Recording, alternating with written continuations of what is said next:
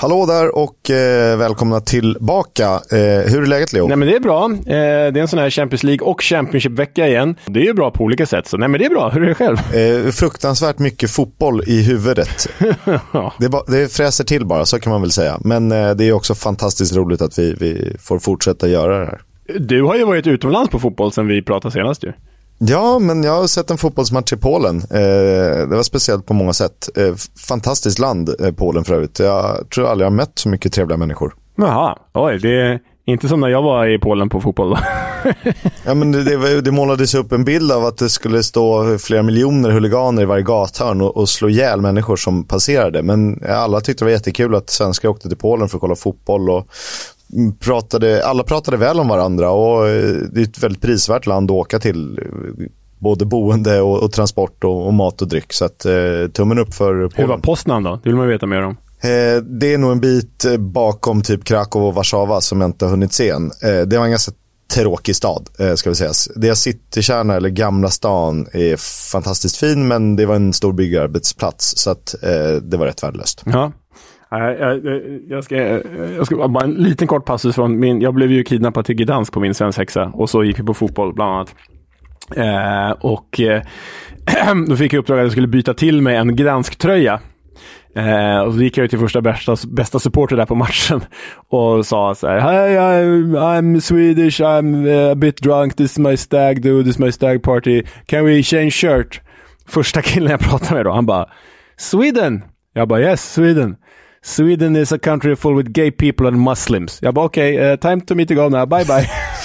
Rikt, rikt, riktigt stökig figur jag stötte på där. Det är, det är väl långt ifrån alla, men det ser man ganska mycket i de här muralmålningarna med Lech Poznan-temat. Det är ju snarare högerextrema symboler än eh, motsatt riktning och eh, det får stå för dem. Det får stå för dem, ja fy fan. I den här podden pratar vi Championship, League 1 och League 2. Mest Championship, för vi, vi hinner ingenting annat och vi tycker att vi har blivit så duktiga på det. Men eh, så är fallet i alla fall. Eh, häng med.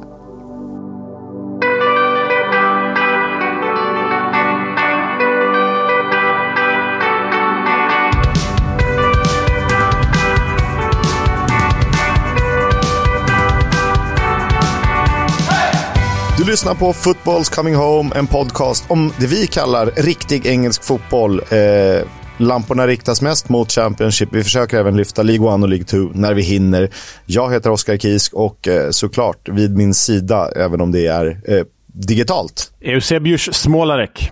Det är mitt polska alter ego. Så Leonard Jägerskiöld Welander närvarande. Eh, ja, det är väl fint.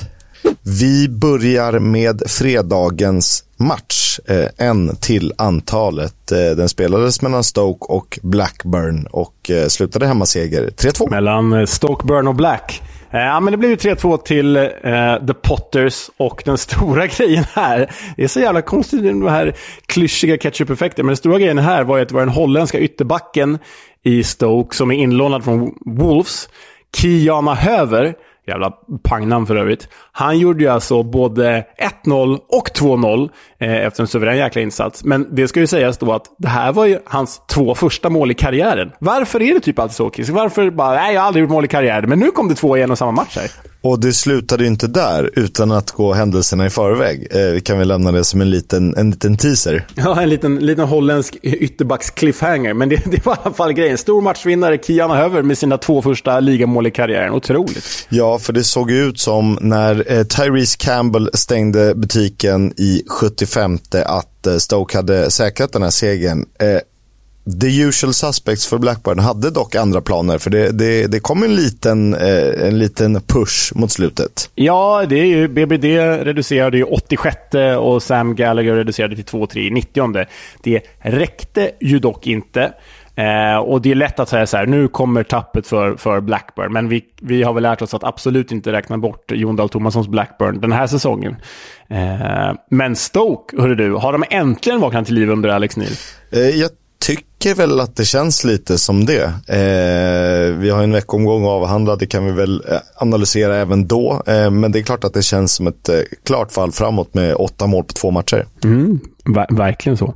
Jag tycker att vi går i rask takt vidare till lördagens matcher. Ingen tid att spilla här. Vi börjar eh, där nere i Bristol där City tog emot Blackpool. Eh, föga förvånande 2-0-seger. Ja, nej men tittar man på de här lagens resultat inför den här matchen så eh, var det ju två ganska vitt skilda eh, klubbar och lag och former som mötte varandra. Och därför blev det ju 2-0 just till The Robins. Andy Weimann gör mål igen! Drömmål Kisk också. Ja, Fan vad man har saknat en drömmålande Weimann, eller hur? Det har man. Eh, hans första fullträff sedan början av november eh, säger rätt mycket om vilket, eh, vilken målsvacka han hamnat i. Jo, tack. Eh, och sen då att Alex Scott fyllde på med 10 minuter kvar med sitt första ligamål för säsongen. Tänk att vara en så bra jäkla talang som Alex Scott är och typ ändå inte göra så mycket poäng. Det är, det är ju fascinerande faktiskt. Dyr lär han bli i alla fall. Eh, innan ledningsmålet hade ju Jerry Yates, som vi snackade upp så eh, ofantligt mycket i, i höstas, ett ypperligt läge, men eh, ingen mål där. 17 raka ligamatcher utan mål. Eh, de spelade också i veckan, kul ju. Mm, det får vi god anledning att återkomma till. Det här eh, segern innebar att The Robins bara har en förlust på de 12 senaste ligamatcherna. Nigel Pearson for the win. Birmingham, Rotherham, eh, klassiskt hamderby eller? Fan, det kommer aldrig ta slut, de här jävla skitiga derbyna.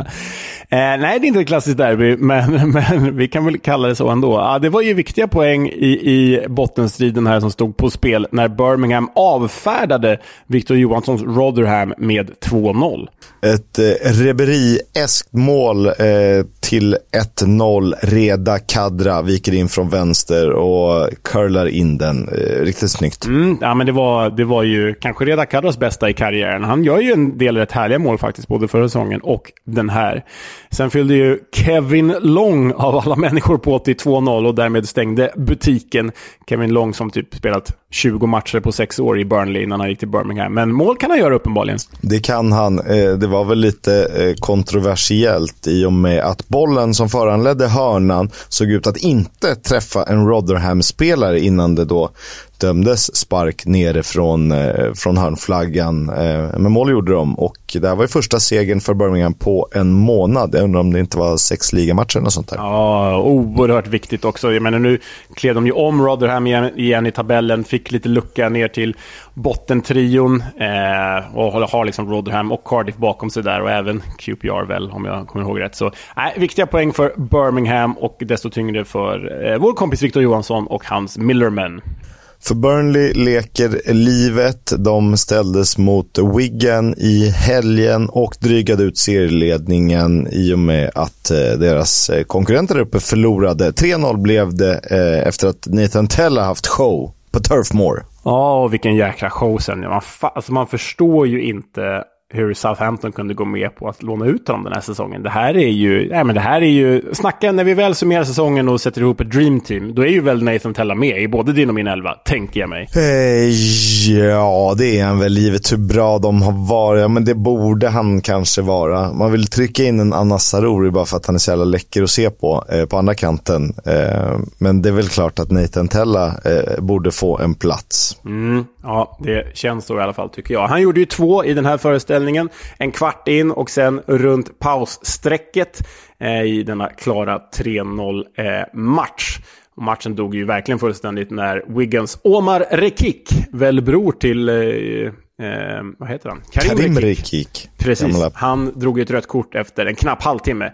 Och då var ju föreställningen över och begraven. 79-21 i bollinnehav till Burnley. 27-2 i skott på mål. Nej, inte skott på mål. I, eh, skott eh, Jaha, ska det vara. ja, ja. 27-2 i skott. Vad fan är det för siffror ändå?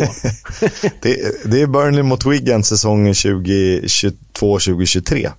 Mm. ja, det, det kan man ju säga. Och ändå tvingades Arianit Moric till två superräddningar när Wigan stack upp. Ja, eh, han visade sig från sin absolut bästa sida här. Eh, Eh, sen vet jag inte om det hade behövts i slutändan ändå, men en, viktig, en sista utpost i form är såklart eh, väldigt viktigt. Nathan Tella ligamål 13 och 14 för säsongen från någon slags släpande ytterposition eller vad vi ska kalla det.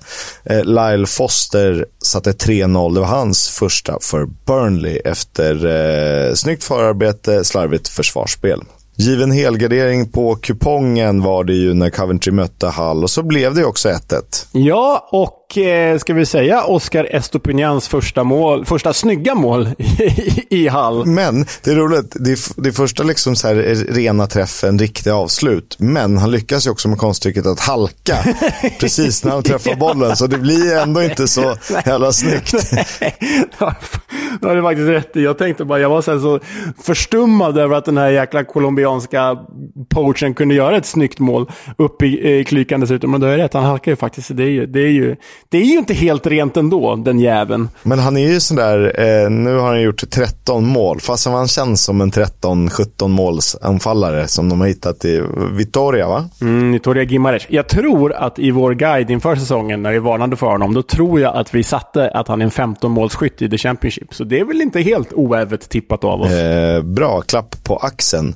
Eh, Viktor Gyökeres spelade i den här matchen. Han var inblandad i det som blev ett kvitteringsmål. Vi drar mer om Gyökeres insats i eh, Svenskkollen såklart. Matti Godden gjorde 1-1. 25 skott sköt Coventry i den här matchen, dock bara 6 på mål. Så eh, där kan de bli bättre. Där kan de bli bättre. Man får väl säga att Coventry var det bättre laget här, faktiskt. Eh, men Hall har ju blivit bra på att gneta till sig poäng under Liam Rosinier.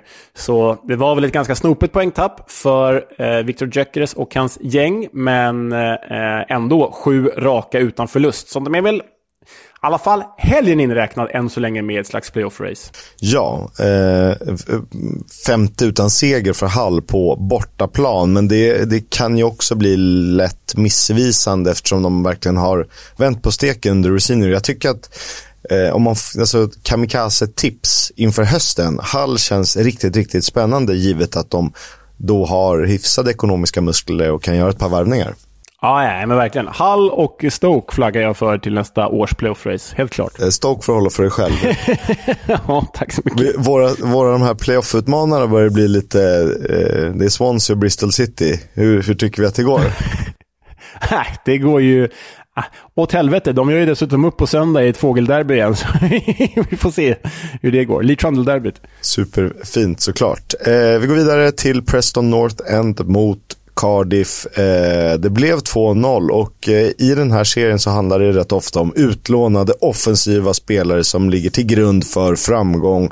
Och eh, i det här fallet var det Thomas Cannon, Tom Cannon, Everton-lånet som gör ett superbt ledningsmål. Det är ju hög klass på både nedtagning och avslut och eh, känslan är att man hade kunnat behövas i Premier League. Men det är inte så det funkar riktigt. Var det bara jag som fick Patrik Klöivert-vibbar på nedtagningen? Det jag kände så här, usch. Sena 90-talet, hej, kom tillbaka. Eh, men det, var, det var faktiskt riktigt läckert mål av Tom Cannon, det håller jag med om. Men man blir inte riktigt klok på vare sig Preston eller Cardiff. För Preston vinner aldrig på hemmaplan och Cardiff får börja ta poäng. Och så vinner Preston på hemmaplan och Cardiff tar inte poäng. Jag förstår inte vad som pågår. Men Stor grej här dock, det var ju att eh, Cardi FF fick sin målvakt utvisad för andra matchen i rad. Och då inte samma keeper, utan förra veckan eh, var det ju Ryan Alsop som blev utvisad i matchens slutskede. Och det var ju liksom, det är ju det också, det är precis i slutet i bägge matcherna. Och Jack Alnwick eh, drog det röda kortet, eh, alltså Allsops ersättare, drog det röda kortet nu i minut 90.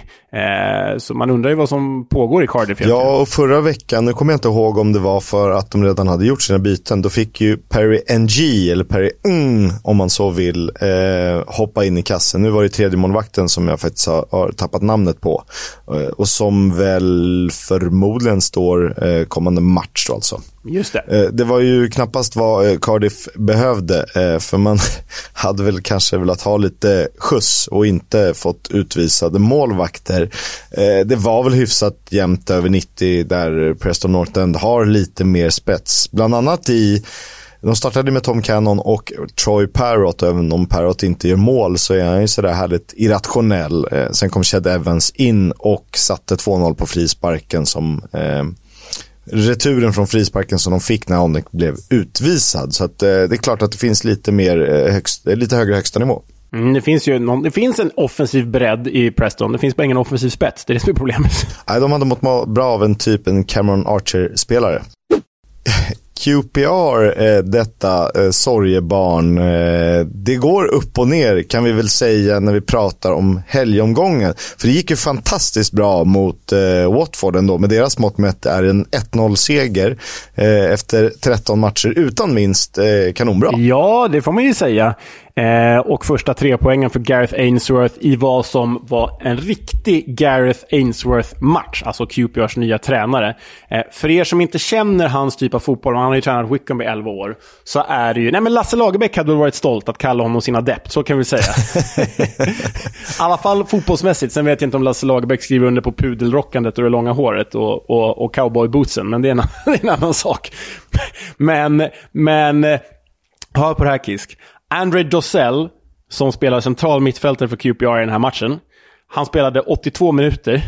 Han nuddade bollen 19 gånger på hela, på hela matchen.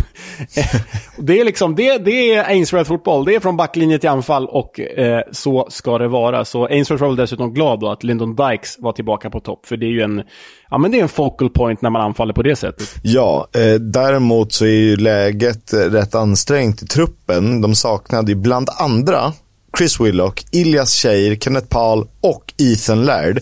Och eh, alltså Willock, Cheir och Laird i form är ju eh, spelare som kliver rakt in i ett playoff-lag. Ja, ja. Nej, absolut. Och det, det, det, är ju... Ja, det här är väl fyra av deras sex bästa spelare som du räknar upp där också. Så det är klart att det är motigt, men då också extra starkt att vinna den här matchen. Jag vet inte vad man ska säga om, om Watford där. Det är väl typ för tidigt för att mäta ut någon Wilder-effekt. Han hade väl bara laget i typ två träningar innan den här matchen också. Så, så... Ja, det här var ju det var hans debut eh, som tränare för Watford. Så att Eh, vi får väl nästan ge det efter veckomgången och efter helgen innan vi, vi kan säga någonting där. Men det är bara resultat som räknas. Så kollar jag på QPRs lag, när de saknar de fyra spelarna, plus dessutom ett par eh, herrar till, det är ju ganska begränsat. Ja, men det är skit. Om man säger så. Det är ju ganska mycket skit. De har sen ett gäng, det är bra. Vi gillar Chris Martin, men han är egentligen sådär. Och de hade typ så Stefan Johansen på bänken. Nu vet jag inte om han dras med någon, med någon småskador, någon problematik. Men han var liksom en garanti för seger i höstas och gjorde hur bra som helst. Ledde ju assistligan. Och eh, ja, nu eh, förpassad till kvisten. Ska väl säga att det var hans kollega på mittfältet, Tim Iregbonam, som gjorde matchens enda mål här. En lovande spelare om inte annat. Det är väl att ta få glädjeämnen i ett eh, annars ja, blekt eh, QPR. Eh, däremot positiv statistik. Watford har inte besegrat QPR i ligaspel sedan 2010. Mm. Reading, Millwall. Eh, det ska ju sluta med hemmaseger givet att Millwall historiskt sett haft, eh, varit ett hemmalag. Eh, åtminstone så länge vi har bevakat dem. Men det är ett annat Millwall. Vi får se. Ja, alltså jag vet inte hur länge man ska fastna i den här matchen, Kisk. För den här har jag läst i både Reading-fans och, och Millwall-supportrar att det var säsongens tråkigaste match. Det var ett skott på mål under hela matchen. Det hade Millwall och det kom på straff. och det var det gläder mig att han är tillbaka på gammalt gott manér. Men det var en fumlig Lumli som kapades igen Fleming, vilket ledde till just den här straffen. Nej, det här går inte till historien som något positivt eh, möte. Det gör det inte. Nej, eh, och det är väl precis så här Millwall ska vara. Noll eh, spektakulära på bortaplan, vinna genom ett straffmål av Andreas Fogelsammer, möjligtvis något no hörnmål. Eh, de är ju ruggiga på fasta situationer. Ehm, och sen ska de vara kanske något mer spektakulära, men inte så att de sticker ut på hemmaplan. Man ska liksom inte märka att Millwall är på playoff. De ska vinna med 1-0, 2-0 eh, och till slut bara dyka upp där. Verkligen, det är så vi vill ha det. Eh, Reading känns ju ändå rätt säkra där nere. Jag, jag skulle inte vara jätteorolig om jag var Paulins. Det känns ju man ska inte ta ut något förskott, men det känns som att kontraktet är ju mer eller mindre klart. Ja, det är väl så här. Får de de här sex minuspoängen nu som det pratas om då, då kan det bli lite svettigt. Sheffield United mötte Luton och här eh, trodde nog många att Luton skulle få det tufft. Och eh, det fick de väl ändå till viss del, men eh, de klev därifrån med tre starka pinnar. Ja, det är så jäkla starkt av detta lilla Luton. Man är så oerhört imponerad av, att, av dels, dels det Hatters själva, men också av Luton Morris, äh, Carlton Morris, som, som gör matchens enda mål. Femtonde fullträffen för säsongen för våra styva bröstvårtor. Alltså, går han in som typ tillsammans med Sian Fleming som säsongens nyförvärv? Tänk på att Carlton Morris gjorde typ fem mål för Barnsley förra säsongen och nu gör han 15 för Luton. Det är, det är en jäkla värvning, det är det. Ja, och eh, Adebayo har ju inte haft ett lika lyckos, en lika lyckosam säsong. Ändå 10 poäng eh, på honom. Jag tror han har 7 plus 3 eller något sånt där eh, hittills. Eh, men skön avlastning och de verkar funka väldigt, väldigt bra ihop. Eh, så att kanonscouting och kan väl inte ha kostat eh, vansinnigt mycket givet Lutons historik och deras budget. Nej, nej, men det här är så... Alltså, vi pratade i det här mötet om Klubben med typ fjärde minst budget i hela ligan, alltså Luton, mot Sheffield United som har typ fjärde högst budget i hela ligan. Det ska inte gå det här. Men det går och det är därför vi gillar den här serien så förbaskat mycket. Och nu har ju Luton ja, men liksom till och med häng på, på, på tredjeplatsen. Alltså sju poäng till tredjeplatsen och eh, fem poäng ner eh, under playoff-strecket. Så ja, otrolig resa. Ja, de har gjort en, en, en sanslöst fin resa. Från eh, icke-professionell fotboll. Ahmed Hodzic var ju tillbaka eh, från avstängning, eh, vilket vi ska prata om i Svenskkollen såklart. Ja, och eh, nu är det alltså fyra förluster på de sex senaste i ligan för Blades det, det ser ju inte så bra ut. Jag har till och med sett att det är United-fans som skriker efter Paul Heckingbottoms avgång. Och då tycker jag att de är förbaskat bortskämda för vilken jävla säsong Blades gör ändå. Alltså, de, de eh, har ju typ, om man räknar längre bak, de har typ fem förluster på de 25 senaste matcherna. Och de ligger tvåa. Och det är en sån här klassisk grej, du vet. Hade de inte börjat så bra, så hade de aldrig fått kritik nu för att det gått lite, lite sämre. För att nu, nu mäter man mot den här fantastiska hösten som de hade. Men det är klart, de är rädda över att förlora en direktplats. Så är det ju. Eh, såklart. Sen är väl det ett av lagen som åtminstone hade eh, tuffast med skador. Det kan ju vara en sån sak som visar sig på sikt också. I och med att skadade spelare kommer tillbaka, inte matchtränade, eh, andra spelare börjar bli slitna och så vidare. Eh, bara ett avslut på mål för, eh, för Luton eh, jämfört med fem för Sheffield United. Och Lutons tionde bortaseger för säsongen, det är ju... Det lyfter vi på våra hattar för såklart. Mm, och mer om just de här hattarna, The Hatters, i vår intervju i senare avsnittet. Vi intervjuar ju Offsides chefredaktör och reporter Johan Orenius som just varit i Luton här förleden och skrivit reportage. Swansea, Middlesbrough eh, började bra för hemmalaget och eh, min förra säsongs playoff-utmanare, din den här säsongens playoff-utmanare. Ja, Joel Pirou gav ju The Swans ledningen kvarten in i den här matchen. Eh, och det var ju ganska jämnt där liksom i, i, i, i första 45-50 minuterna. Men det hjälpte föga när Carricks Middlesbrough växlade upp rejält i den andra halvleken. Aaron Ramsey 1-1 i 54. Cameron Archer 2-1 i 57. Chewbacbom på straff 3-1 och slutresultat i 77. Det är ett eh, sanslöst effektivt jäkla Middlesbrough mot ett eh, ja, men uselt Swansea. Ja, alltså... Jag tyckte att de kändes helt okej okay i första halvlek. Eh, ganska bra givet hur, hur svaga de har varit den senaste tiden. Eh, hade ju dessutom en 2-0 eh, boll inne det blev bortdömt offside, om jag miss, inte missminner mig. Och eh, efter det så vändes det på steken och då, då såg de eh, helt håglösa och loja ut och gav upp. Eh, och Shubak kom till att göra mål, nummer 22 bland annat. Mm. Imponerande. Otroligt imponerande. Eh, lördagens sista match eh, kronologiskt spelades mellan West Bromwich Albion och Huddersfield. Och eh, det var en poddfavorit, eh, åtminstone en av mina favoriter, John Swift, som blev matchvinnare i den här matchen med sin tionde poäng när han var säker från 11 meter. Ja, eh, hans fjärde mål för säsongen. Eh, sex assist har han ju stått för.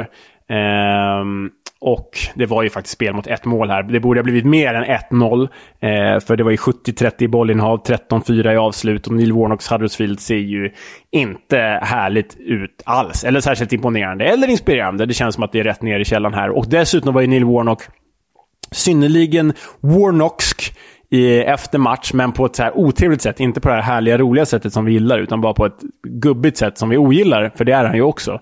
Men han sa ju på presskonferensen efter matchen att eh, Carlos Corberan måste ha eh, seriens bästa agent, för annars hade han aldrig fått West Brom-jobbet.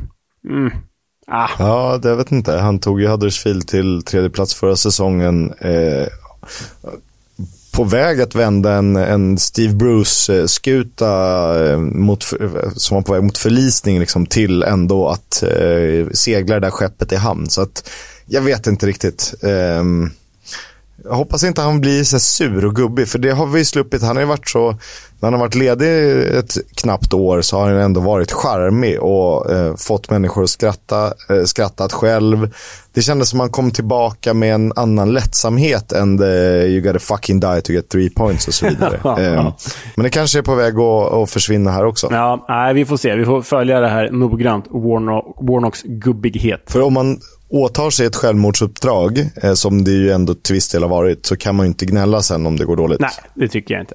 Det spelades en match till i helgen. Eh, det var mellan Norwich och Sunderland. Det var en söndagsfight och eh, matchvinnare blev Abdullah Ba.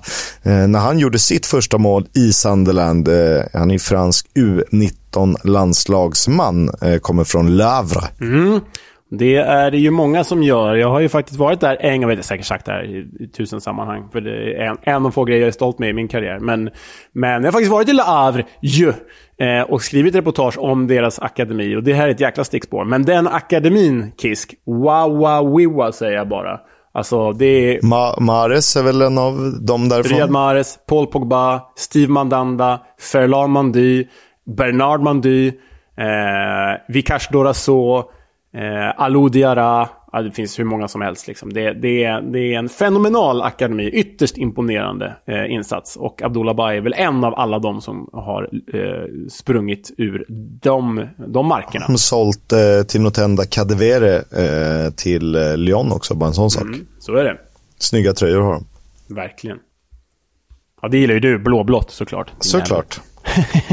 Sunderland kom från tre raka förluster, blev alltså vinnare här igen, vilket vi någonstans tycker är roligt. Sen eh, kliar jag mig faktiskt eh, fysiskt i skägget eh, just nu. Jag har ingen skägg, eh, så i håret. Eh, Norwich, vad ska hända där egentligen? De hade 72% i bollinnehav, men ändå jämnt sett till chanser. Och jag tycker ju, givet den kvaliteten de ändå har i truppen, att de ska kunna vara bättre. Man ska kunna ställa högre krav. Ja, det tycker jag. Alltså, jag vet inte om jag är så här vi ställde lite frågetecken kring David Wagner och det har väl liksom blivit så som vi trodde att det inte skulle riktigt eh, landa helt perfekt. Får väl se nästa säsong hur det ser ut om de är kvar då. Men, men jag är nästan mer imponerad över Sandland. Alltså det är typ mest skadedrabbade laget i hela serien. Stor klubb, men ändå nykomling, vilket är lätt att glömma bort. Och, och ändå hittar de bara nya sätt, att, nya sätt att vinna den här typen av matcher. Alltså det är ruskigt imponerad av Sandland. Jag, jag hade kunnat gå för att eh, Eh, eh, vad heter Tony Mowbray eh, skulle kunna vara säsongens manager. Skulle kunna vara.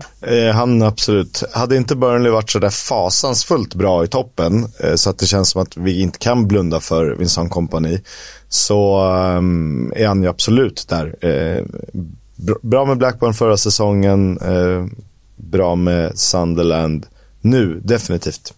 Eh, här gör de dessutom en defensivt eh, solid insats, eh, vilket inte alltid är lätt på Carrow Road. Verkligen.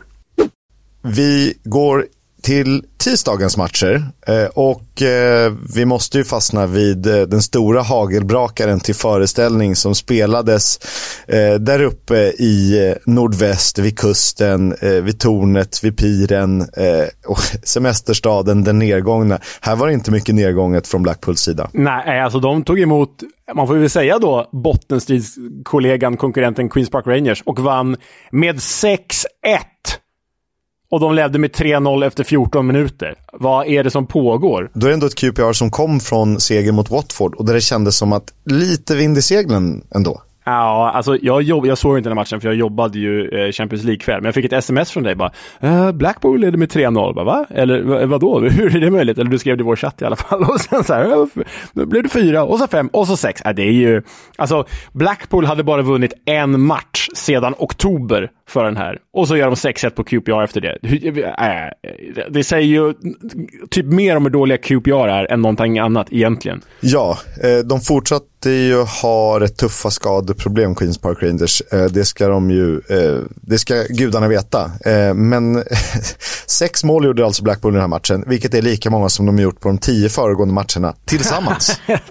ja, det är ju liksom så här, Mick McCarthy fotboll summerat. då kommer den här ketchup-effekten vart tionde match typ och sen gör man 0,2 mål per match däremellan. Nej, det är, jag vet inte, det är klart att Blackpool behövde den här segern, men de behöver ju de behöver ju sprida ut målskyttet lite mer. Ja, jag vet. Jag tänker, det eh, eh lite åfan, men det är bättre med eh, fem 1-0-segrar och ett kryss än eh, en 6-1-seger och sen eh, massa mål i baken. Säsongens största segermarginal tillskrivs alltså Blackpool. Det, det, det hade man inte sett på förhand. Något lag har ju vunnit med 5-0, men 6-1 trumfar ju det i egenskap av fler gjorda mål. Dessutom tangerar det målrikaste. Det har varit några 5-2, två 5-2 matcher, en 4-3 match om jag inte är eh, helt ute och cyklar. Mm. Och eh, i förra veckans episod, om jag minns rätt, så sågade vi ju Rob Dickey som har stora problem med Queens Park Rangers backlinje. Det fick han den här gången också, för efter 44 sekunder drog han på sig en straff när bollen gick på hans hand och det var egentligen mer otur än någonting annat. Ganska hårt dömd straff kan jag tycka. Men 44 sekunder tog det alltså innan Blackpool fick en straff eh, genom Rob Dickeys hand. Och då gjorde Jerry Yates sitt första mål sedan 7 januari och sitt första ligamål sedan 29 oktober. Inget spelmål än på ganska länge alltså. Men på tal om eh, Rob Dickey, om vi stannar kort för honom. Jag minns eh, i början av den här podden, första månaderna, så var ju Rob Dickey och Aiden Flint våra stora favoriter. Nu är Rob Dickey eh, från att ha varit, han var ju, ledde väl skytteligan efter typ ett par omgångar. Det gjorde han. Han gjorde fyra på två tror jag. Och Aiden Flint gjorde väl tre eh, eller något sånt där. Aiden Flint ja. fick gå ner i League One och starta formen har i och för sig varit snuskigt bra i Sheffield Wednesday. Och Rob Dickey är indragen i bottenstrid så eh, fort gick det utför. Fort, fort gick det. Och på tal om backar, fyra av sex Blackpool-mål gjordes av deras försvarare. Ja, eh, Andy Lyons två från sin höger wingback och sen eh, två mittbackar, eh, Nelson och Thornilly. Mm, ja, eh, och Nelsons mål var en ruggig tavla av Senedieng som bara ska gå ut och plocka ner bollen med händerna, trillar eller liksom faller till marken, tappar bollen rakt ner på Curtis Nelsons fötter som får öppet mål. Så svagt av Senedieng. Men om vi ska ta någonting positivt i QPR så Ja, vi har ju liksom saknat Chris Martin när han har varit fjärde gubbe i Bristol City. Nu går han till QPR i mål igen, så han kan man lita på i alla fall. Ja, eh, det är väl någonting. Eh, vi får se om de... Jag tror inte att de kommer vara indragna i eh, den absoluta bottenstriden, men man ska aldrig säga aldrig och de behöver få tillbaka lite spelare som kan kreera framåt. Gareth Ainsworth var ganska tydlig efter matchen. Han var eh, allt annat än nöjd och bad om ursäkt. Gaffer, you win some, you lose some, but what causes a 6-1 defeat at Blackpool? Uh, that's my first six, I think, in my career, and uh, learning a hell of a lot about these boys. You know, nearly three weeks in now, it's uh, it's it's a poor performance tonight. Firstly, let me apologise to the fans who made the trip because that's not good enough. You know, under no circumstances am I going to accept that. You know, it's uh, defending the box. We were not good at all. You know. Ja, och han sammanfattar väl det tillräckligt väl för att det ska bli slutord. Det är, på ett sätt är det bättre att åka på en sån här rejäl stjärnsmäll. För hade de torskat med 3-1 då är det liksom Alltså det här är bara för dåligt. Punkt. Vi släpper, går vidare, vi kommer aldrig göra om det. Um, men annars kanske det blir lite grubblerier. Ja, jo, jo verkligen. Nu, ja, vi får se om eh, han har omklädningsrummet med sig eller inte efter det här, för det krävs ju en omstart i helgen. Jag gissar att de har tröttnat på våra eh, derbyn, men eh, vi ska prata om ett eh, Troy Deeney-derby. ja, Watford mot Birmingham, men det var jävligt ensidigt och Troy Deeney var knappt närvarande, för det blev ju 3-0 till Watford. Eh, det blev det. Eh, Chris Wilders första seger som boss för The Hornets när eh, Ken Sema startade och slog en målgivande passning till eh, Imran Lusas 1-0. Eh, för övrigt eh, en av två poäng Imran Lusa gjorde. Han spelade väl fram också till Keenan Davis 2-0 mål. Ja, Imran Lousa, marockanen som egentligen om han inte hade varit skadad skulle ha spelat VM för Marocko. Det är ju en jäkla pärla. Alltså. Han är ju typ för bra för The Championship. Så väldigt viktigt för Watford att han är tillbaka och här hade han ju stor show. Och det var ju lite symboliskt för Birminghams tränare John Eustace. Han är ju tidigare Watford-kapten när han spelade, så det var ju lite tung dag för honom att förlora denna med 3-0. Men den stora grejen ändå, det är väl ändå Britt Assombalongas första mål sedan återkomsten till Watford och hans första mål någonsin, i alla fall ligamål någonsin, för sin gamla ungdomsklubb. Så det var ju väldigt fint. Mäktigt. Det här är ju en spelare som eh, går right up our alley eh, till en poddfavorit, vare sig man vill eller inte. Verkligen en stor shithouse-anfallare med fantastiskt namn. Ah, Britt Assombalonga, känn på det. Mm. Stoke Middlesbrough, eh, kan vi få någon derbykaraktär där eller Leo? Ja, men det är så här tröjfärgsderby, röd, rödvita. svagt. Riktigt svagt. Eh, men det blev ju 1-1 i alla fall mellan Stoke och Middlesbrough. Och man får väl säga att det, det var ju två missade poäng för Borough som ju hade fått lite kontakt med Blades och så tappar de det när det blev 1-1 här. Ja, eh, det är lite typiskt. Precis när du hade börjat skriva om att så här, nu, nu tror jag på dem som att de, de rycker en direkt plats. Så eh, eh smäller det. Men Chewbacpom är en konstant att lita på. Han gjorde sitt eh, 23 mål för säsongen. Och som vi pratade om tidigare i det här avsnittet, eh, det är någonting med de formstarka spelare i Championship, för då fortsätter de att eh, göra det bra. Ja, vi nämnde att Kiana Höver gjorde sina första två ligamål i helgen eh, i karriären eh, när Stoke vann och nu gjorde han mål igen. Så han har alltså gått på, från noll mål i hela karriären till tre mål på de två senaste matcherna. Det är ju märkligt när det där händer. Alltså. Ytterst märkligt. Ytterst märkligt. Eh, man vet inte riktigt hur man ska förklara det. Men eh, det är någonting med form och självförtroende måste det ju vara. Stoke var det bättre laget i den här matchen och har bara en förlust på de fem senaste. Så eh, Alex Nils manskap är definitivt någonting på spåret. Kanske skönt att kunna eh, bygga vidare med en, en hel säsong och dessutom en hel försäsong och ett transferfönster. Ja, men som sagt, jag sa ju det tidigare avsnittet, Stoke kan bli något nästa säsong. Men det är också typiskt Stoke att vara bäst när det inte gäller. Så vi får väl se, tiden får utvisa. Ett lag som har skapat sig ett eh, magiskt försprång är faktiskt Millwall, för just nu skiljer det fyra poäng från deras sjätte plats ner till sjunde placerade Norwich som är utanför playoff-platserna. Andreas Fogelsammer gjorde mål för andra matchen i rad, sex poäng på de sju senaste när Millwall besegrade Swansea med 2-1. Mm, och det var ju, alltså siffrorna skulle ju ha varit större för Millwall var det klart bättre laget här. Men Swansea hade ju faktiskt ändå sjukt nog kunnat ta poäng om inte min, mitt nya hatobjekt Andy Fisher hade stått för en rejäl dundertavla på Fogelsammers passning till skott från typ 25 meter. Det är riktigt svagt av Fischer. Det är en Massimo Taibi-tavla eh, nästan. Uh, ah, svagt Fischer. Massimo Taibi är en sån här målvakt som man glömmer med all rätt. Eh, om du förstår vad jag menar. Ja, ja men, verkligen. Man vill ju inte komma ihåg den, den, den stackaren. Nej, eh, Swansea reducerade som sagt till 1-2 men var egentligen aldrig nära. Och eh, Millwall har ju därmed, du, du sa att man var fyra pinnar neråt. De har ju faktiskt bara fyra pinnar upp till Middlesbrough. Så helt plötsligt är det jäkla jämnt här i, i playoff-racet. Man har liksom nästan räknat ifrån Middlesbrough. Och nu är Millwall där svinnära. Och Luton också. Äh, det, det, det blir en så jäkla bra vård det här, Kisk. Det blir det. Bara en förlust på de sju senaste för Millwall. Eh, Swansea har bara tagit en poäng på de sex senaste. Och det här var ju ett eh, fasta situationer-möte. Jag säger inte derby så ni slipper tröttna. Jag tror att det är så att Millwall, de gjorde ett mål, eh, Charlie Cresswells är från ett långt inkast. Eh, då har de alltså flest gjorda på eh, liggande boll, fasta situationer om man så vill. Eh, och Swansea har släppt in flest. Mm. Eh, det, det är ju, ja, det passar ju Millwall det, det, den statistiken, så kan vi väl säga.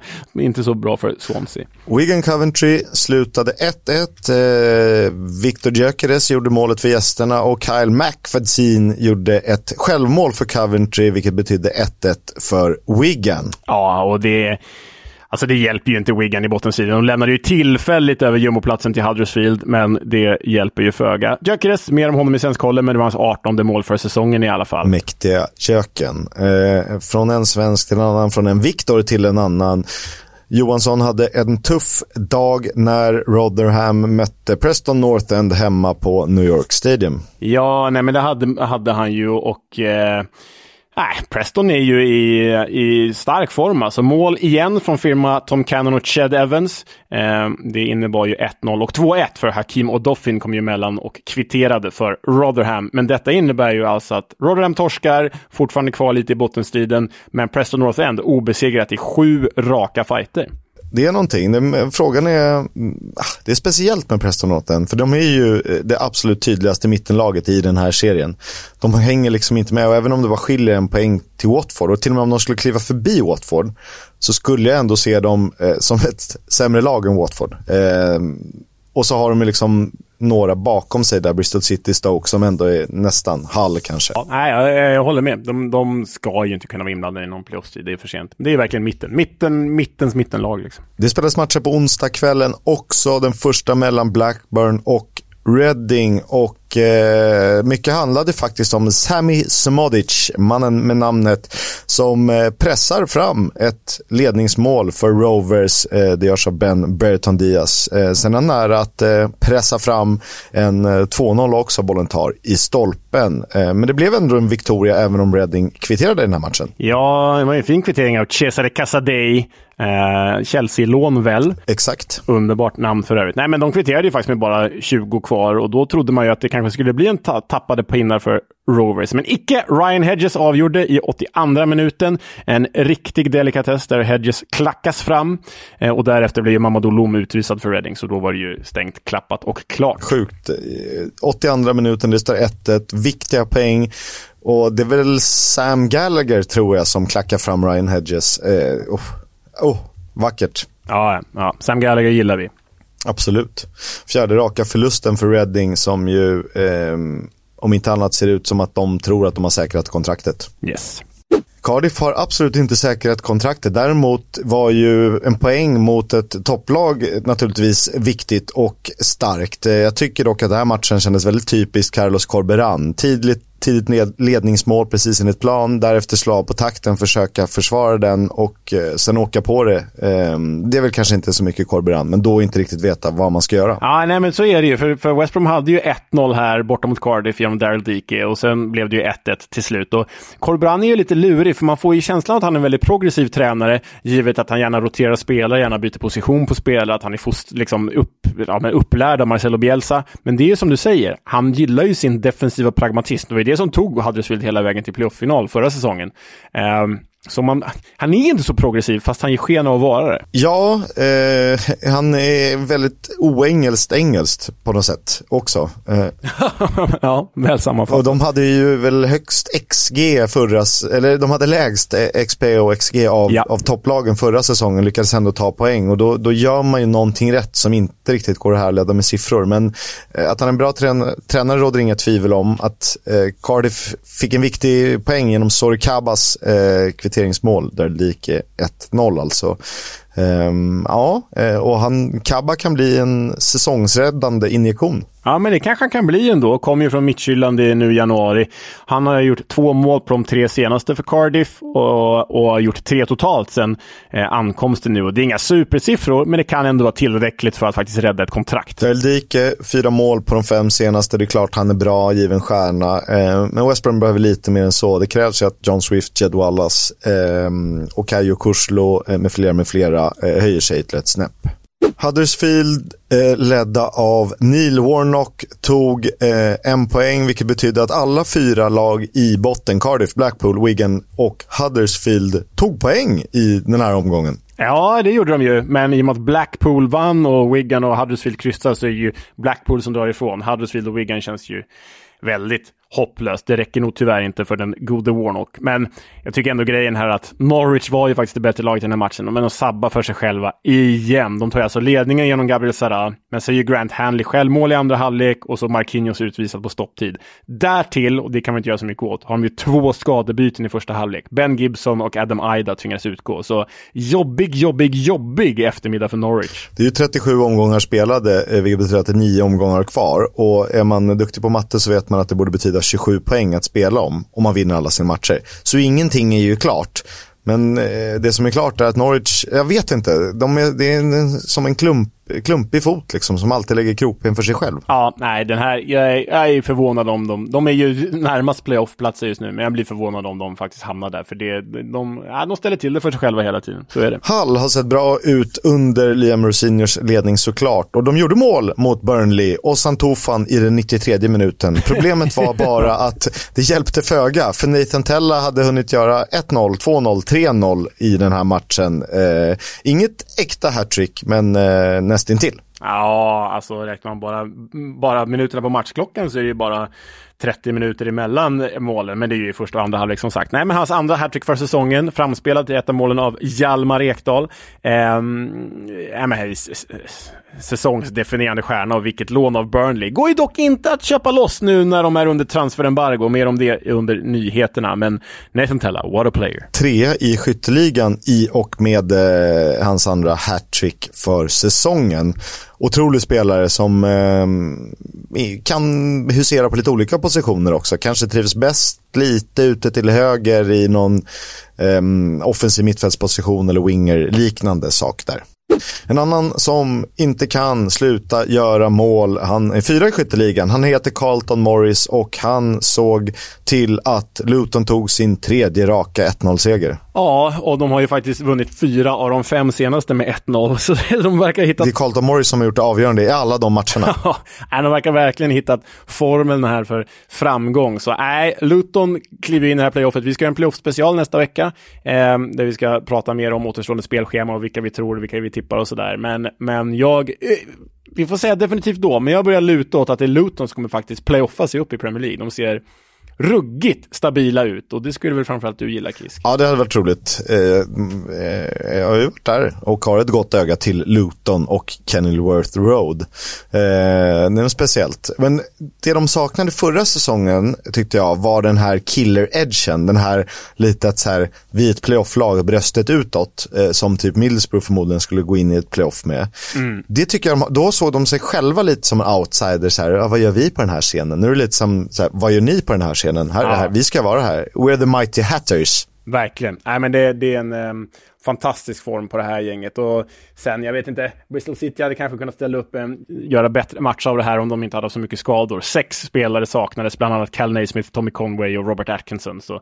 Atkinson missar ju resten av säsongen. Så äh, jobbiga förutsättningar för Bristol City ska det ju sägas. Det är intressant med Cal Naismith som byter ner sig från Luton eh, till Bristol City. Säkert ett mycket bättre kontrakt, mycket mer lukrativt. Trodde nog förmodligen att eh, City hade någonting på gång. Ja, så blir det ibland.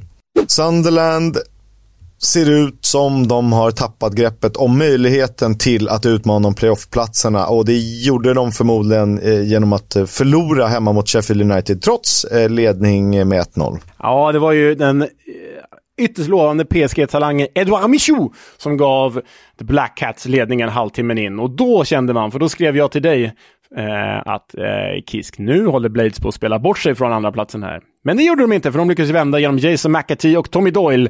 Talangernas afton helt klart, får man ju säga.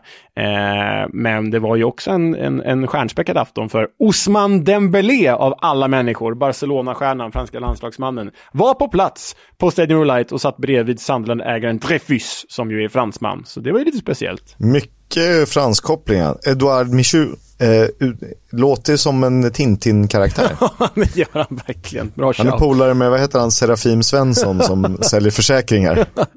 eh, Jason McAtee, eh, The Salford Silva alltså, eh, väldigt fint placerat skott. Fan, han lutar sig snyggt där. Eh, hela avs avslutet är så ekvilibristiskt utfört så att eh, det lyfter vi på en hatt för. Verkligen.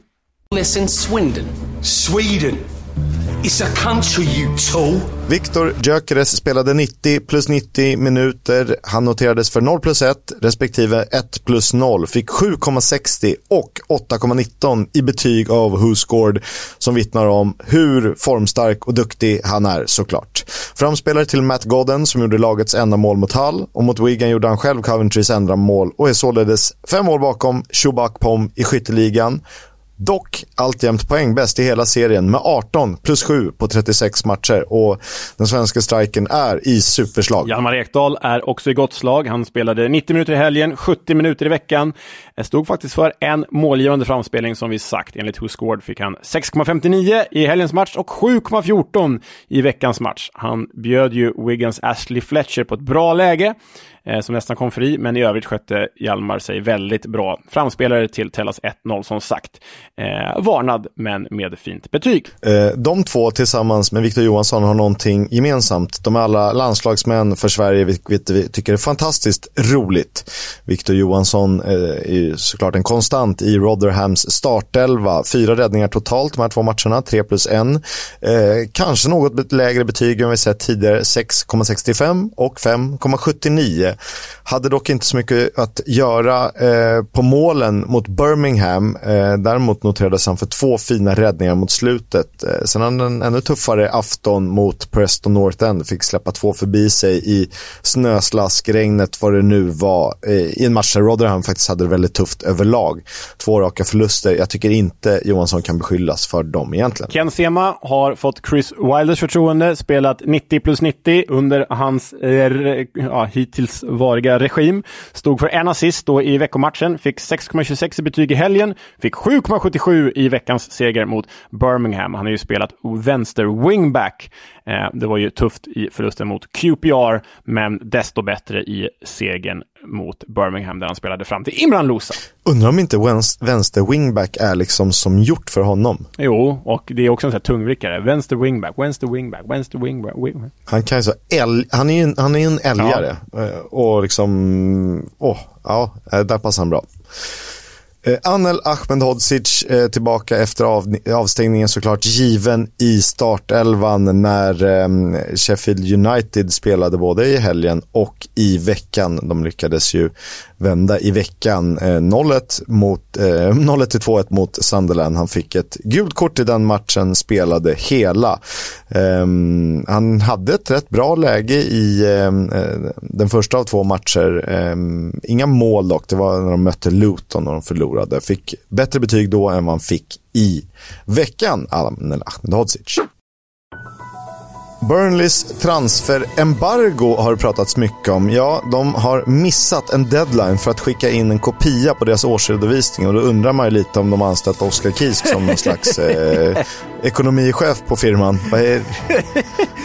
Herregud men, alltså. Borde jag bli orolig? Jag skickar mina fakturor till dig ju. Ja, men det är inte, det är inte det är, som tur är det är inte jag som eh, trycker på knappen. det är väl tur det. Jag har inte haft några problem hittills i alla fall. Nej, det var, det var roligt. Eh, sen kan vi läsa... Och de är ju inte ensamma. Nej, de är inte ensamma. För nästföljande nyhet. Huddersfield är också under transferembargo. Detta på grund av att de missade en deadline för att skicka in en kopia på deras årsredovisning. Så samma miss här från respektive klubb i olika ändar av tabellen. Men det innebär ju att de eh, inte får värva spelare. Eh, det här kommer ju säkert att överklagas från respektive klubb och eh, vi får se. Men det är ju någon slags kreativ redovisning här från respektive. Det är väl inte så att man bara råkar missa det här, för det här görs ju varje år. Och ett lag som inte kan vara särskilt kreativa, det är Wigan. För de verkar inte ha några pengar i och med att de har missat att betala sin personal för tredje gången den här säsongen. Vilket ska innebära tre minuspoäng. Eh, och det har väl inte fastslagits än. Vi får väl följa det lite vad som händer. Och tre minuspoäng skulle innebära att de i så fall är på 30 poäng och har 9 poäng upp till säker mark. Och får de tre minuspoäng så kan vi nog slå fast att de är ett League One-lag nästa säsong. Verkligen. Det är ju, de fick ju den här liksom probation minuspoängen tidigare under säsongen där de sa att om ni gör det här igen, då innebär det tre minuspoäng. Och nu har de ju gjort det igen, så det borde bli tre minuspoäng, men det har inte konkretiserats. Går vi till rykten då. Everton jagar Illiman Ndiaye förutsatt att de håller sig kvar i Premier League och jag ställer väl mig frågan till om Illiman Ndiaye behöver byta förutsatt att Sheffield United går upp i Premier League. Så är det och Detsamma gäller ju egentligen med eh, Gabriel Sara. Eh, om West Ham håller sig kvar i Premier League eh, så vill de köpa honom från Norwich City och han har ju varit bra i stunder. Frågan om han har varit så bra, men det är klart i en rotation och kunna ersätta Said Benrama, Benrama då och då så är det ju bra. Vidare på ryktesfronten. Det här är ju en sån grej som kommer bli klar så fort vi spelat in det här och skickat det till Kevin. Så, men än så länge är det ett rykte. Men Reading rapporteras vilja kicka Paul Ince givet lagets usla form och vill ersätta honom med klubblegendaren Graham Murty som var ju en vital del i det här rekord, record-breaking Reading som ju eh, har alla tiders poängrekord i The Championship 2006 eller 7 va? Graham Murty är... 2005, 0506 0506 ja. Graham Murty är numera u tränare i Sunderland. Eh, Reading, rekord-Reading. Som vi sa, tre svenska Championship-spelare i landslaget är Victor Johansson, grattis. Hjalmar Ekdal, grattis. Och Viktor Gyökeres, eh, grattis. Den första, eh, kanske mest överraskande och framförallt eh, väldigt roligt givet vår eh, sejour med honom i eh, Sheffield. Du, Leo, du har ju eh, pratat med en kompis till dig och eh, en eh, kändis för mig, tänkte jag säga. eh, som ju ganska nyligen har varit i Luton för att bevaka engelsk fotboll under Premier League och och eh, det här genuina, ta fram sitt anglofila. Är det inte lite så? Jo, för vi har ju pratat med, jag vet inte om jag skulle säga att vi är kompisar, vi är mer, mer kollegor, men, men han är väldigt trevlig ändå. Men, men vi har pratat med Johan Orenius, eh, Offsides chefredaktör till lika reporter, prisbelönt reporter tror jag till och med. Eh, han var ju i England nyligen som du sa och var i Luton och var i, i London för att göra reportage på Wimbledon maskot där. Men ni får ju höra allt det här kring hans anglofili och kring hans syn på The Championship kontra Premier League eh, nu. Ja, jag sitter här med Johan Orenius, en av Offsides två chefredaktörer. Hur står det till med dig Johan? Eh, det är alldeles utmärkt, tack. Eh, hur är det själv? Jo, nej men det, det är bra. Tackar som frågar. Vi ska ju prata, vi ska ju fördjupa oss i The Championship, då är det alltid bra, som Kisk och jag brukar säga. Skön eh, verklighetsflykt alltid. Mm. ja, precis. Ehm, det har ju, eh, alla kanske inte lyssnat på er trevliga podcast. Jag är ju en frekvent lyssnare av eh, er Offside podcast och där har det ju framgått att eh, du växte upp i fotbollen som någon slags anglofil. Kan du berätta mer om det? Ja, det är väl inte unikt i ett Sverige där man är matad med tips extra såklart. Men jag har en pappa som var över mycket i England när han var ung så i våra gamla fotoalbum så kunde man hitta mycket bilder på när han och hans kompisar var över och såg främst Arsenal som de höll på. Och det här var kanske på 70-talet som han åkte över och då var det ju lite mer öppna dörrar. Eh, så de kunde på den tiden komma in ganska långt på Highbury och liksom kunna prata med spelare och kanske någon tränare till och med. Och, eh, han gillar att dra storyn att de en gång när de, de brukade ta båten över då från Göteborg och på vägen till Göteborg så stannade de i Gränna och köpte på ett helt lager med polkagrisar och olika rödvitrandiga grejer. Och sen använde de dem sen på Highbury genom att bluffa sig in och säga att de skulle dela ut pris till matchens bästa spelare. Och fick då någon slags VIP-treatment. eh, eh, jag har ju svårt att kolla sanningshalten i den storyn men jag har valt att tro på den. Eh, men både de där typen av anekdoterna som han drog och att han hade ju ett Arsenal-intresse och de här bilderna som fanns i, foto, i fotoalbumen gjorde liksom att jag sögs in i Arsenal i synnerhet, men i engelsk fotboll då i allmänhet. Och sen, det var ju liksom det som gick att få också i liveväg på, på lördagar. Det var ju inte så stort utbud. Eh, och sen så var jag ganska fast i det. Eh, så det är väl ungefär så. Ja, men det, ja, men det förstår jag. Kul att en polkagris kan ta en från Gränna in till Highbury. Det, det är en oväntad nyckel. Um, fastnade du mer kring det engelska utöver själva fotbollen? Fastnade du också i kulturella? Jag tänker musiken och sådär. Det är ju lätt att liksom, det, det vävs ihop, flyter samman de där Absolut. bitarna. Absolut. Eh, jättemycket så. Kanske inte när jag var 8, 9, 10 år sådär. Men när jag började komma upp i tonåren och blev mer musikintresserad och även kanske visst litteraturintresse och film och eh, allt kulturellt egentligen så var det väldigt mycket England som jag graviter graviterade mot. Eh, det är väl någon slags peak där för mig 96 kanske när EM i England går och när britpoppen samtidigt eh, är nästan störst i världen och med fighten mellan Oasis och Blur och Pulp och alla andra band. Eh, sen gick jag vidare och hamnade kanske längre bak i engelska punken och så. Och Genom punken var det heller inte så långt till supportervärlden och då blev man intresserad av hur det såg ut innan man själv levde och framvuxen på läktarna. Och, så jag fördjupade mig rätt mycket i det där och allt går ihop på något sätt. Liksom musik och fotbollen och liksom engelsk livsstil så där det är liksom väldigt integrerat sådär. Att jag upplevde att när jag var över i England och själv började åka över och se matcher och sådär att eh, man pratade, pratade inte så mycket om att hålla på ett lag. Det var bara liksom mer något som ingick i vardagen, att fotbollen fanns där hela tiden egentligen. så. Eh, och det gillade väl jag väldigt mycket. Sen blev det ju brutalt stort när liksom Premier League sprang ifrån alla övriga med alla pengar som kom in. Så det är väl någonstans slutet på 90-talet som, som det sker. Eh, och sen kanske jag tappade lite under några år, eh, liksom det här aktiva verkligen att följa engelsk fotboll när Premier League blev så gigantiskt stort. Och då gick jag kanske ner mer i svensk fotboll för något slags påminnelse om ja, var man kommer ifrån och fotbollsursprung och så. Sen har jag märkt på senare år igen, jag har fått en renässans i och med att jag börjat intressera mig lite mer för ligorna under Premier League. Bland annat Championship då, men även ner på League One och League 2 och till och med utanför. Eh, tycker jag är kul att följa. Och då blir man alltid ibland anklagad för att det är någon slags hipstergrej. Men jag är så pass gammal nu så jag har börjat skita i sånt. Jag följer det som jag gillar. Och det är kul att vara i de där serierna tycker jag. Ja, då är, vi, då är vi inte bara två, vi är nog ganska överens alla som lyssnar i den här podcasten också. Det, skulle, det känns, utan att eh, veta om bakgrunden på alla våra lyssnare, men du nämnde att det inte är så originellt. Det känns som att du, det här hade kunnat vara en historia som liksom beskriver både dig och mig och Kisk och flera av våra lyssnare också. Att man har gjort någon slags likadan resa genom seriesystemen. Liksom. Ja, jag tror det. Jag, jag gillar också Alltså, nu hade jag också en höst på Offside. Jag, jag gjorde ett ganska obskyrt jobb eh, som blev rätt stort om engelska maskotar. Eh, och försökte Väldigt uppskattat ska sägas. Väldigt uppskattat. Ja, det var obskyrt men ändå verkar ändå engagerat ganska många, vilket var kul. Och det är ju en del av det man kanske kan kalla för fotbollskultur som är liksom kopplat till fotbollen men som också kan innefatta mycket annat. Och då kollade jag mycket speciellt på klubbar och lag som var lite längre ner för där är ju tillgången ofta mycket bättre för en journalist att få träffa folk. Men också att där kan liksom en maskot, även vi ser den som fånig kanske i ett svenskt sammanhang, men där kan det finnas en ganska stor stolthet kring det och den kan bli en symbol för den här lilla staden. Och då började jag genom det intressera mig lite grann för både klubbar, kanske tre, fyra hack nedanför Premier League, men även de här engelska lite mindre städerna. Och jag hade lite missat det också. Eh, jag har så mycket att göra med liksom barn och eget jobb. Hur, hur illa ställt det är på många ställen i England rent ekonomiskt. Följer man fotbollen märker man ju knappt det, för där finns det ju pengar i överflöd ofta. Men om man börjar läsa lite grann om hur det ser ut i Grimsby eller Bradford och eh, hur det har varit efter Brexit och hur utvecklingen är där så är det ju ganska illa på många sätt. Sådär. Och då märkte jag att jag fick ett ja, då började jag intressera mig igen för liksom England som helhet och de här städerna och en liten påminnelse om så här, det jag följde när jag var liten. Då var det bara namn sådär i en tabell.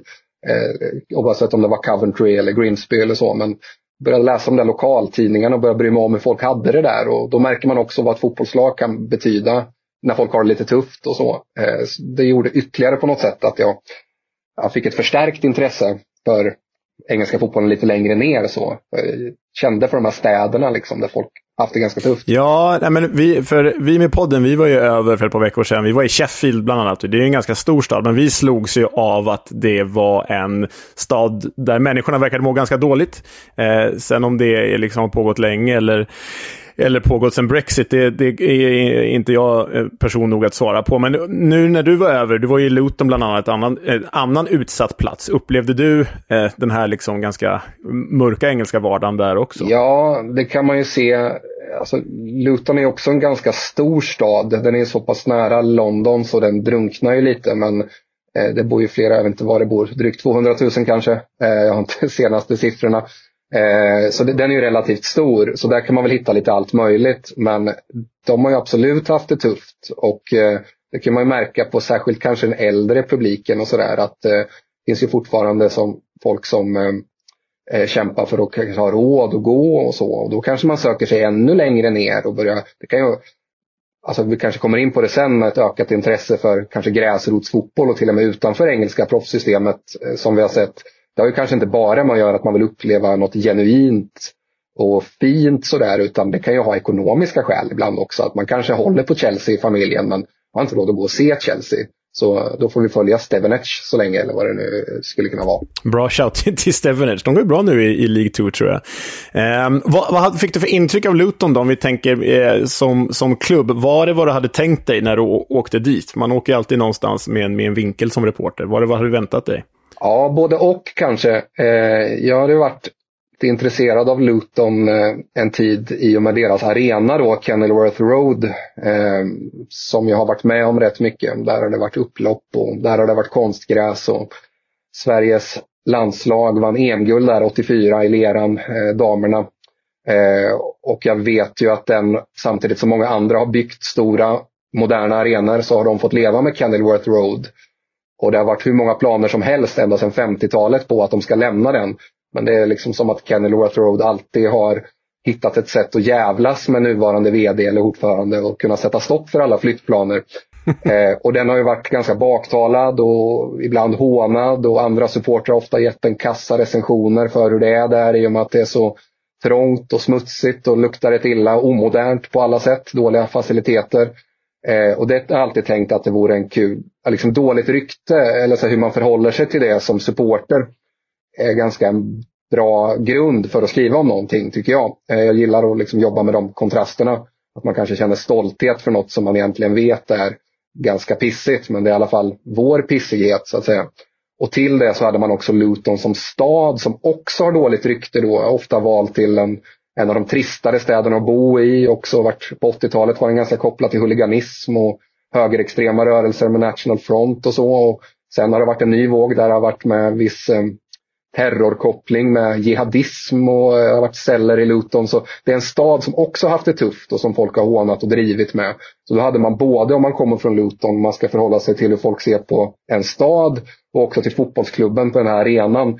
Eh, också med det här dåliga ryktet. Och då tänkte jag det är ett jättebra ställe att åka till för att liksom försöka tränga in och ta reda på hur man förhåller sig till det. Om man går och ser det här laget och bor i Luton. Eh, så det var det jag ville göra då som utgångspunkt så hade jag ju samtidigt märkt då att jag hade svängt lite kanske i, liksom i spåren av råkommers och där alla har byggt nytt och där eh, den ena själlösa arenan efter den andra som är modern men som inte har så mycket soul liksom så har den, liksom, den har ju inte blivit häftigare på något sätt Kenilworth Road. Den blir bara sunkigare och sunkigare men i takt med allt annat som sker som en del kanske har något emot så har den börjat få någon slags kultfaktor så. Att det uppstått liksom ett gäng som kanske åker över dit i form av turism för de vill uppleva det som påminner dem om det riktiga eller England eller det gamla. Eh, så det har liksom börjat svänga igen, liksom, att den här arenan plötsligt får ett värde ja, ja. Eh, i, sin, i sin gamla charm. Så. Eh, samtidigt som jag vet att nuvarande klubbledning vill också flytta därifrån för att det är inte hållbart i längden att spela på Championships minsta arena. Och ska vi ha ambitioner på lång sikt så går det bara inte. så.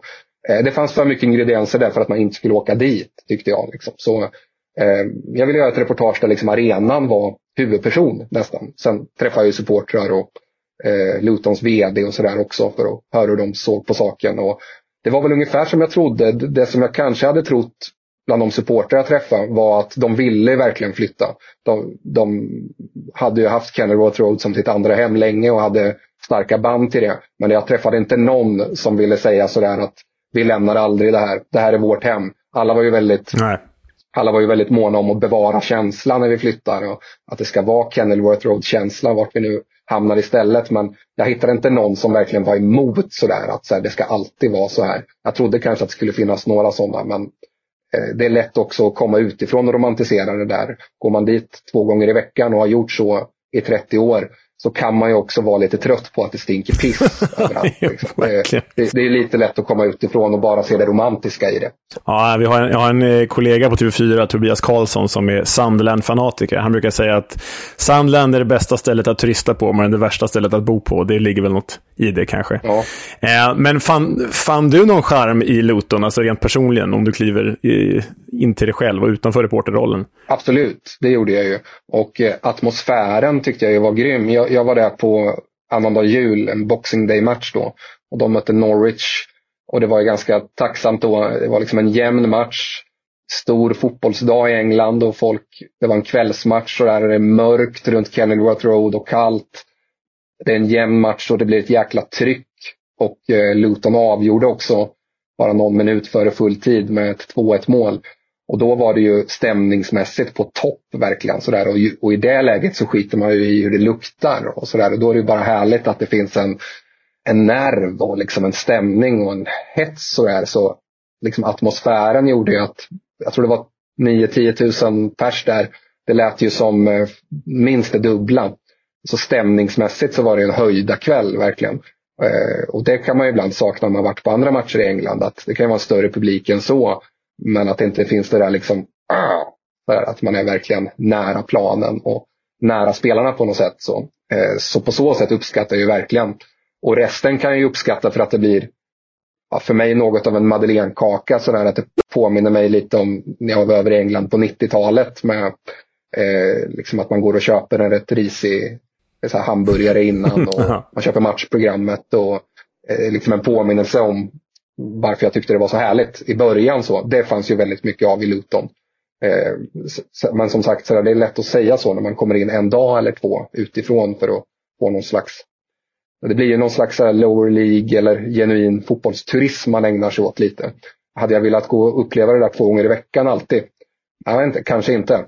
Nej, det blir någon slags exotifiering av, mm. av liksom den, den, nästan problematiska fotbollen i England, om man får säga så. Men, ja, nej, det... ja, man kan ju se det där på många ställen. Jag, jag tycker det där är ett intressant fenomen. Sådär. I Tyskland finns ju Union Berlin nu som gör en jättebra säsong. Vi var över och skrev om dem när de höll på att gå upp i Bundesliga för några år sedan. Eh, och de har ju tagit väldigt mycket spjärn mot att de är unika. så med, vad är det nu, 83 procent ståplats och mm. att vi står för ett visst värden och det finns en själ och en känsla här som är mycket viktigare än att eh, stapla titlar. Och det är väldigt lätt att säga så när man är lite sämre. Eh, men kan man också bevara det då när man plötsligt är i ett väldigt stort fotbollsland bland de allra bästa lagen. Och samtidigt som det kommer in då jättemånga kompisgäng som vill se Union Berlin en helg för att uppleva det här genuina. Ja, det här är inget plast, det här är på riktigt. Jag vet inte om det kommer tillräckligt många sådana gäng. Är det fortfarande genuint då? Nej, Eller det blir ju nästan någonting annat för det, någon slags gentrifiering. Eh, som gör att det nästan blir en filosofisk diskussion vad som är genuint egentligen. Så. det är liksom vår, om man, liksom, den jakten man har på det genuina. Man, man, det är precis som Machu Picchu. Alla vill åka dit och kolla, men man förstör det samtidigt när man är uppe och klättrar i bergen. Liksom. Ja. Ja. Lite så ja, precis. Ja. ja, men om vi är inne på det här nu.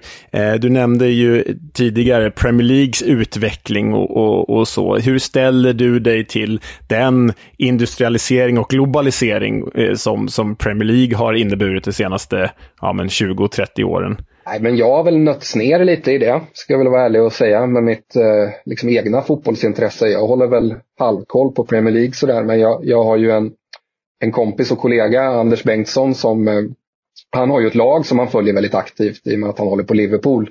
Det har ju inte jag. Jag tappade mitt Arsenal-intresse eh, för ja, 15-20 år sedan. Sådär. Och har man ett lag så är det en garant för att man alltid följer det. Har man inte det så är man ju lite mer utelämnad.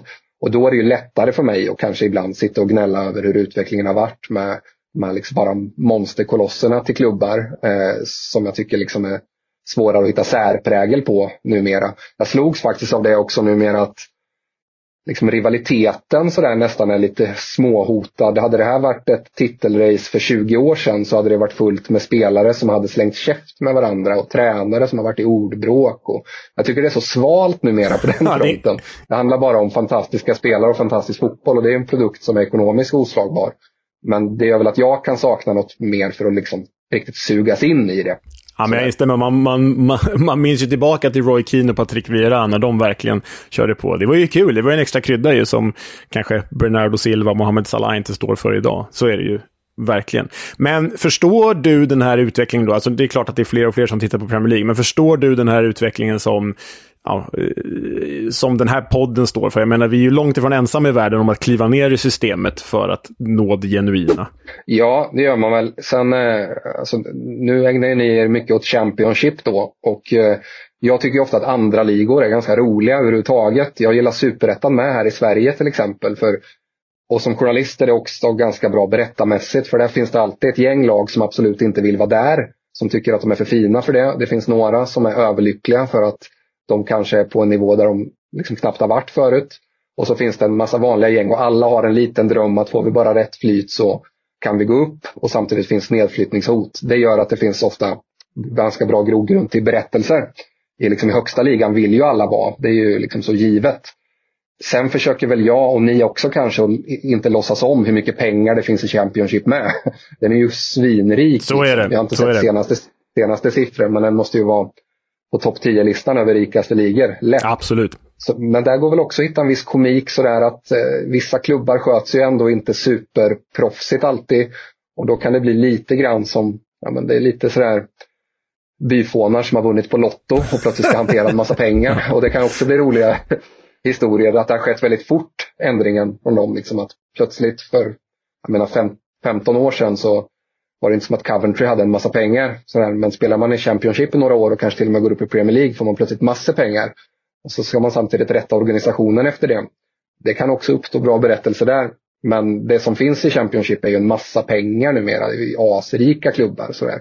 Och det försöker väl jag så här ibland lite förtränga för jag tycker det är lite halvtrist. Så. Ja, jo, det är det ju. Men det, det, skapar ju också något som jag är oerhört svag för. Det skapar ju den här, eh, det öppnar för berättelser om misskötsel där jag tänker på typ så här, Darby har satsat enorma pengar för att, för att liksom kliva upp i Premier League och så misslyckas de och så blir det konkurs istället. Mm. Och jag, i alla fall rent personligen, är så oerhört svag för dem som siktar så jäkla högt men misslyckas så jäkla hårt. Och de, de, borde ju, de borde ju skämmas för att de misslyckas med, med sitt arbete arbete, men jag, jag älskar dem snarare för om du förstår, om du förstår vad jag menar. Ja det, ja, det blir en slags underhållning där också. Ja, jag fattar absolut. Ja.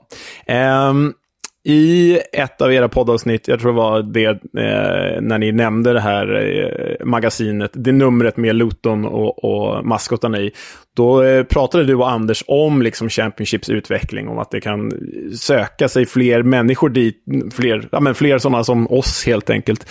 Eh, vill du utveckla de tankarna? Men det är väl lite också hur viktigt man anser att bra kvalitet är. Är man bara inriktad på bra kvalitet, då följer man ju bara Champions League och eh, Premier League och bara vill ha det absolut bästa produkten hela tiden. Och det finns ju bevisligen ett väldigt stort gäng som håller det som allra, allra viktigast. Eh, sen finns det alltid ett gäng som inte bryr sig om det alls. De är inte alls lika stora och som bara vill ha någon slags genuin och som letar sig ner i, i gärdsgården liksom och bara vill vara nära och där det ska lukta fotboll. Eh, jag tillhör väl kategorin som gärna vill ha att det är någon form av kvalitet också och där talar väl för Championship att fotbollen är så pass bra så att man kan få bli underhållen på det sättet och samtidigt då som man har dramatiken med upp och nedflyttning och lite kaosklubbar och nyrika klubbar och profiler och andra ligskungar. Eh, som jag tror att den ligger ganska bra till kanske för de som söker någon slags mellanväg med det där. Att kvaliteten är tillräckligt bra för att man inte ska sitta och bli helt uttråkad över pris i fotbollen är.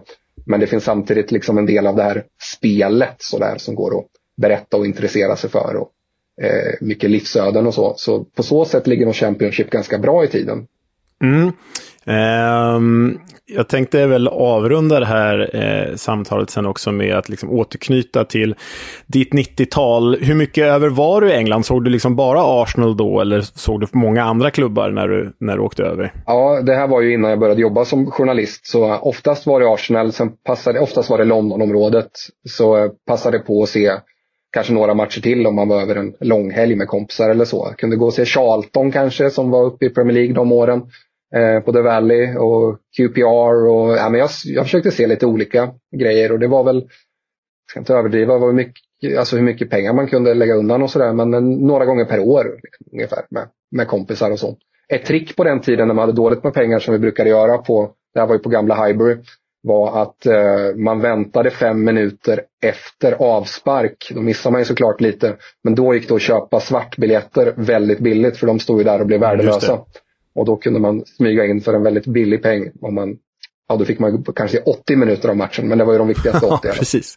Går heller inte riktigt att göra idag tror jag. Nej, antagligen inte.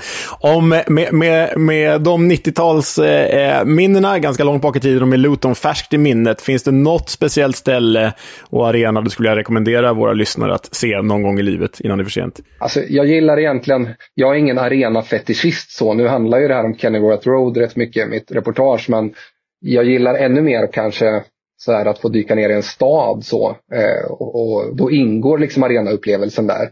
Eh, det låter konstigt kanske att tipsa om ett ställe man inte har varit på själv men jag hade gärna gått och sett på fotboll i Bradford. Eh, exempel. Eh, där, eh, jag har aldrig varit där mm, men då är där finns mycket historik och eh, ja, även en del tragik då i och med liksom gamla läktarbranden och så. Ja. Eh, och det finns eh, ja, en ganska liksom, tilltufsad stad sådär också. Eh, dit hade jag gärna åkt och liksom sett på fotboll och då, då ingår lite mer än själva matchen för mig. Jag vill gärna hinna vara där ett par dagar för att eh, liksom vara i stan lite bara och se hur den sitter ihop med fotbollen. Så jag, jag tipsar om ett ställe som jag själv inte har varit på. Bradford får det bli. Ja, men jag, härligt. Tack för tipset. Den köper jag också. Du vet, i skuggan av Leeds på massa olika sätt, både fotbollsmässigt och stadsmässigt. Och så har de ändå 17 000 på läktarna i League 2. Ja, Robert ja. Steiner-minnen kan man prata med gamla garvade supportrar. ja, det är bra. Nej, men det var väl det jag hade Johan. Vi får tacka så mycket. Kul att jag fick vara med såklart eh, roligt, härligt. Eh, eh, det känns som vi har eh, pratat med väldigt många människor som har olika bilder av England och olika uppfattningar om vad England är för dem. Och, eh, men ändå så kan enas i någon slags eh, ja, anglofili om vi väljer att kalla det mm, ja, men Det väljer vi väl. Det, det är, vi står enade. United we stand och allt det där. Fan vad det lät som någon sån här English Defense League-slogan. Nej, men usch, fy fan. Nej. På tal om Luton. Ja, ja det är, oh, det är snyggt.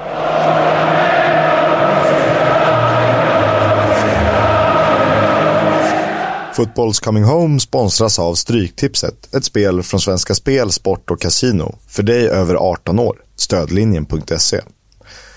Eh, händer en hel del roligt på kupong. Det är Premier League, det är FA-cupen och Championship såklart. Eh, jag fastnar vid match nummer sju. Blackpool mot Coventry. Och det ser ju ganska mörkt ut för de tre lagen i botten där Blackpool är ett av dem.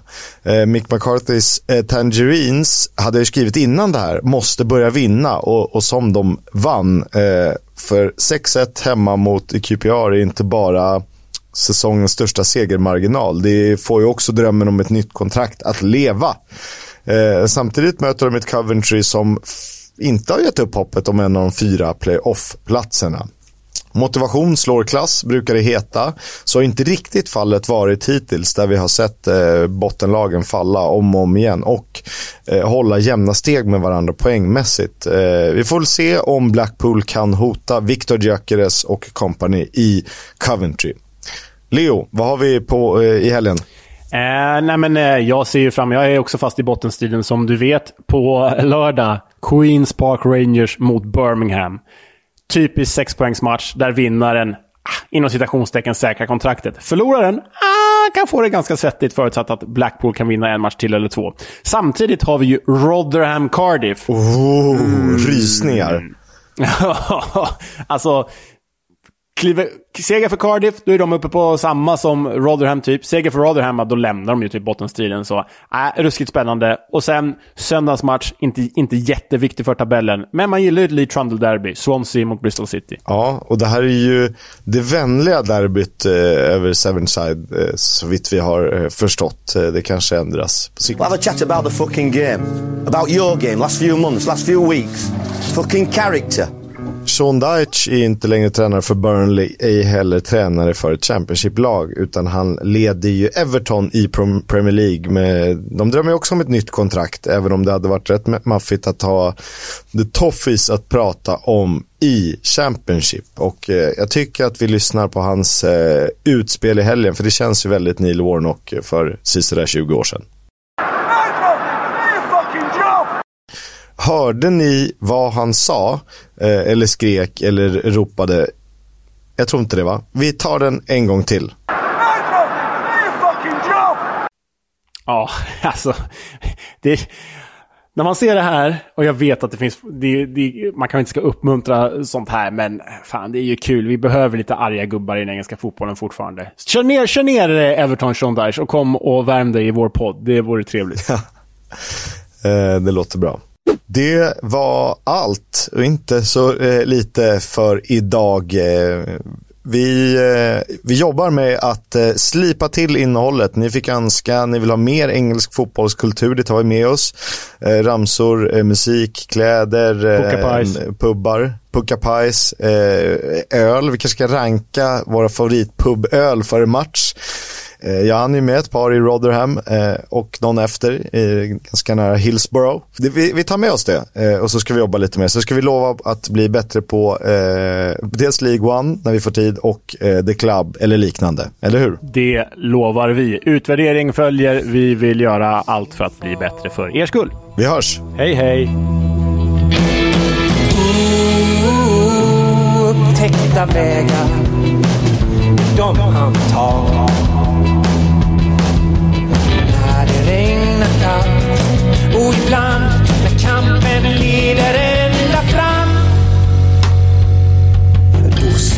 vi på lördag igen.